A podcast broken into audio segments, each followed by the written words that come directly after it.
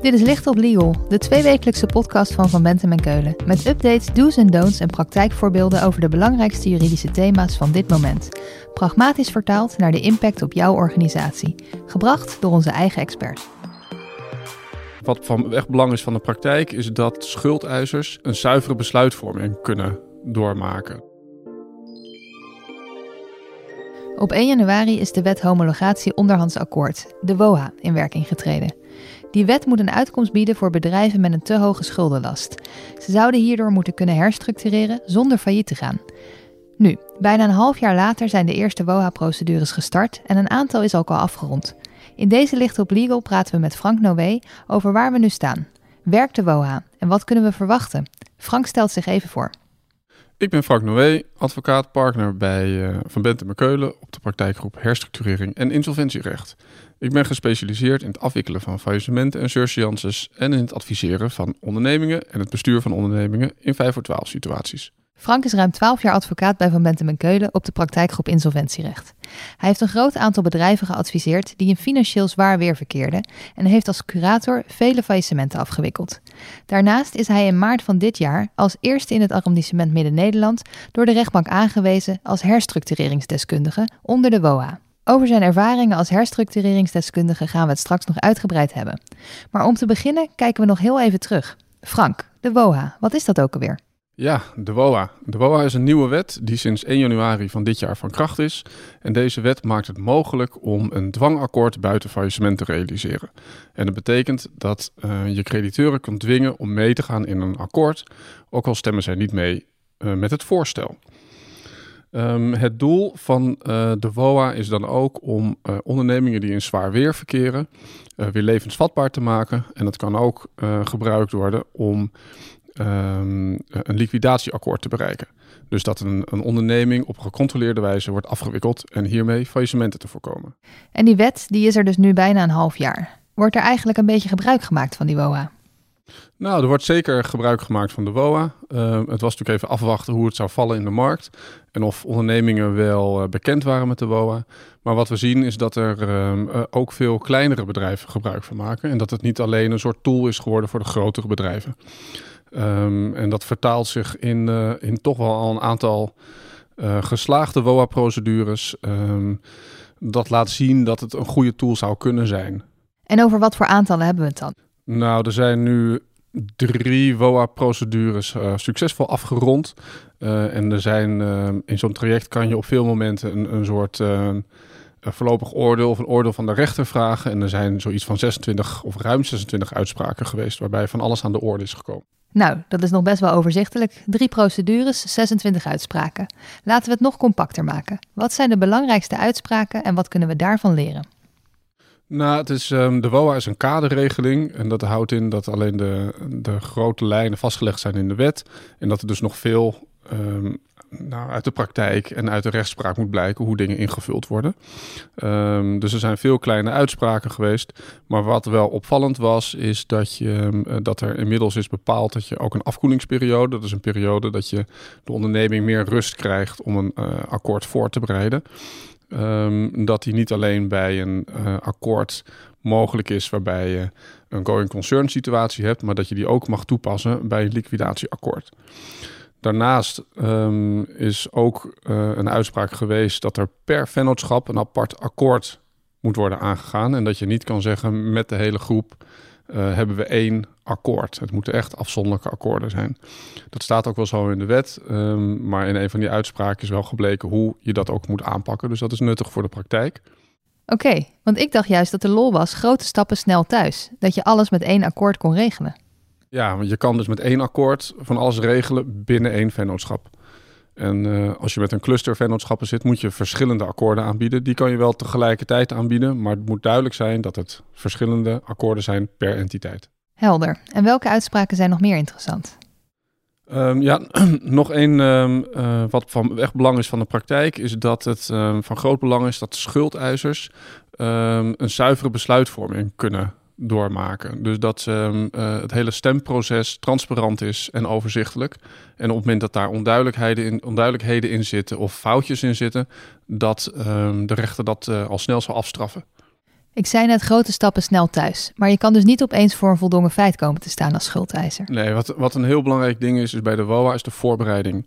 Ehm, voor uh, de onderneming die een WOA-traject wil starten, is het van groot belang om uh, al in overleg te zijn met je crediteuren, te weten wat er speelt, dat je transparant bent geweest naar je crediteuren, zodat er ook een soort gunfactor is. Uiteindelijk moeten die crediteuren instemmen.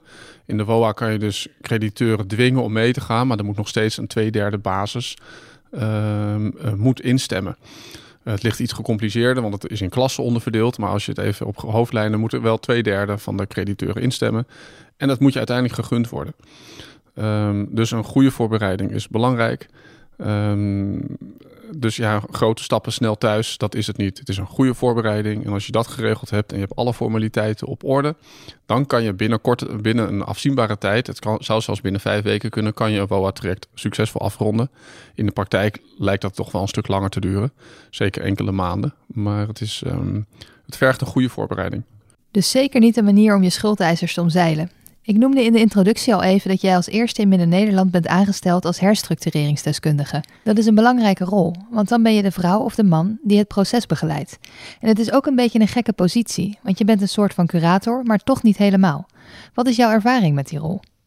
Ja, die, uh, de herstructureringsdeskundige is niet uh, de begeleider van het proces, maar die heeft echt een, een onafhankelijk, onpartijdige rol. Dat is ook uh, vastgelegd in de wet. Je moet dat doeltreffend, onpartijdig en onafhankelijk doen.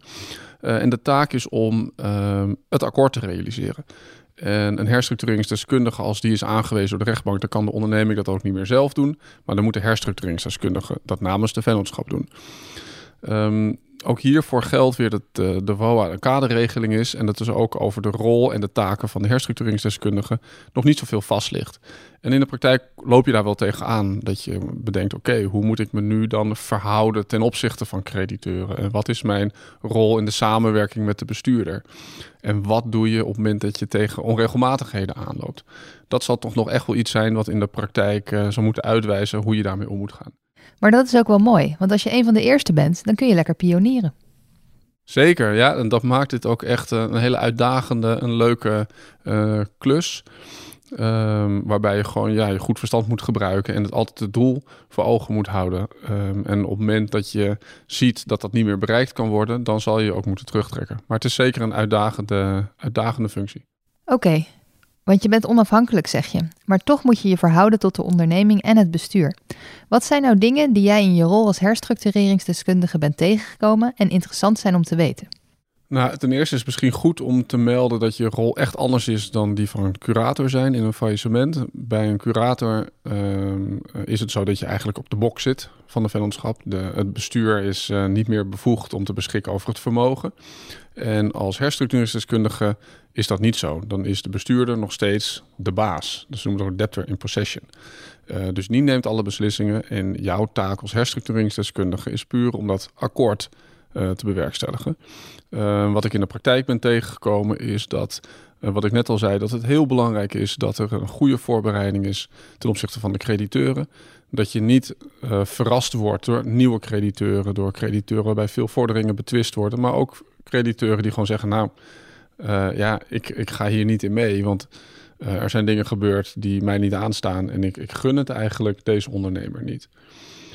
Um, en, en dat is een beetje zoeken naar je rol. Pak je dat samen op met de bestuurder? Doe je dat alleen? Uh, ja, hoe verhoud je ten opzichte van uh, verschillende betrokkenen? Ja, maar ik kan me ook voorstellen dat het situatieafhankelijk is als het om de gunfactor gaat. Zeker, zeker. En dat hangt, uh, je kan daar als herstructureringsdeskundige ook een rol in spelen, omdat je onafhankelijk en onpartijdig bent. Dus je kan ook uh, crediteuren misschien beter zelf benaderen om gewoon vanaf een afstandje de situatie te bespreken en de emotie eruit te halen. Want dat speelt natuurlijk ook wel eens. Um, en uiteindelijk wil je een, is het doel ook om een redelijk en reëel akkoord aan te bieden. En dat is mijn taak. Uh, en daarvoor is het dus nodig om soms um, uh, ja, met crediteuren toch die gunfactor weer uh, te krijgen. Maar bovenal staat dat je gewoon een goed financieel kloppend, redelijk akkoord realiseert. En Frank, wat voor soort bedrijven maken nou gebruik van die BOA? Nou, dat is nog heel wisselend. Hij is natuurlijk nu net van kracht, die wet. Je ziet dat zowel de, onder, de, nou, de bakker om de hoek wij van spreken. Maar ook, nou, sinds vorige week of twee weken geleden, ehm, een betaald voetbalclub, ADO Den Haag. Die is ook een WOA-procedure gestart. Dus het gaat nog alle kanten op. Um, ja, het is, zal afwachten zijn waar het nou echt het meest geschikte instrument voor is, voor wat voor soort bedrijven. Um, maar vooralsnog zie je dat er dat, ja, vanuit alle hoeken daar uh, een beroep op wordt gedaan. hey, en wat verwacht jij nou verder? Zijn het over een jaar 50 BOA-procedures of 200? Of gaat er op termijn bij wijze van spreken geen enkel bedrijf meer failliet? Nou, faillissementen zullen er altijd zijn. De WOA lijkt een prima aanvullend instrument te zijn voor het herstructureren van schulden. En daarmee zullen ongetwijfeld faillissementen worden voorkomen. Alleen de WOA is wel het voortraject van een faillissement. Dus het is een, een situatie waarin uh, een bedrijf voorziet dat hij nog niet meer zal kunnen voortgaan met het betalen van zijn schulden. En in faillissement ben je een stadium later. Dus het is van belang dat ondernemers tijdig die WOA starten. Uh, om niet in die laatste fase te komen waarin het eigenlijk al te laat is. Dus start een ondernemer uh, de WOA op tijd en zijn er voldoende uh, liquide middelen om die procedure te betalen, dan, um, dan zal de WOA zeker faillissementen kunnen voorkomen. Um, maar faillissementen zullen er altijd zijn. Maar als er voldoende liquiditeit moet zijn, dan klinkt het alsof het misschien toch een beetje een feestje wordt voor grote ondernemingen en kleine ondernemingen er niet zoveel aan hebben. Ja, dat zou, dat zou kunnen. En dat moet de tijd uitwijzen. En dat een van de redenen is dat het nog best wel een kostbaar traject is. Je moet, uh, het kost tijd, je moet je lopende verplichtingen betalen, je moet een, uh, externe misschien inschakelen, bijvoorbeeld een herstructureringsdeskundige, maar ook partijen die taxaties uitvoeren um, en de waarde van ondernemingen bepalen. Dus het is geen goedkope, geen goedkope oplossing. Wat zou jij vanuit jouw ervaring mee willen geven aan bedrijven die in de problemen zitten? Nou, ik denk dat uh, de, een van de belangrijkere tips is uh, dat je uh, tijdig actie onderneemt en goed voorbereid bent. Als je, een, als je een onderneming hebt met veel crediteuren, ga al tijdig in overleg. Zorg dat de crediteuren uh, op de hoogte zijn van de situatie. Wees transparant, zodat je op het moment dat het WOA-traject gestart wordt, dat je ook sneller kan schakelen. Dat je niet nog maanden bezig bent uh, met, met uh, crediteuren bij je te houden. Um, dus die, die voorbereiding is echt een, echt een belangrijk aspect. En voor de andere kant van de tafel, bedrijven die op hun geld zitten te wachten. Ja, die, die zullen zich snel geconfronteerd zien met een WOA. Dus dan is het zaak om je goed te laten voorlichten. Uh, en goed te bepalen wat jouw positie is. Um, en daarbij komt dat je als crediteur soms een, een, een ander soort positie hebt. Als je bijvoorbeeld een eigendomsvoorbehoud hebt of dat je pandhouder bent. Zorg dan dat je snel actie onderneemt om schade te kunnen beperken. Dus win op tijd advies in over hoe je in zo'n traject zou moeten handelen. Om af te sluiten, wat vind jij dat de luisteraars in ieder geval moeten onthouden over de BOA? Ik zou de luisteraar willen meegeven om altijd tijdig te handelen. Vraag dus tijdig advies aan een specialist. Um, en ook het belang hiervan is dat er weer sprake moet zijn van vertrouwen en gunning aan de kant van de crediteuren.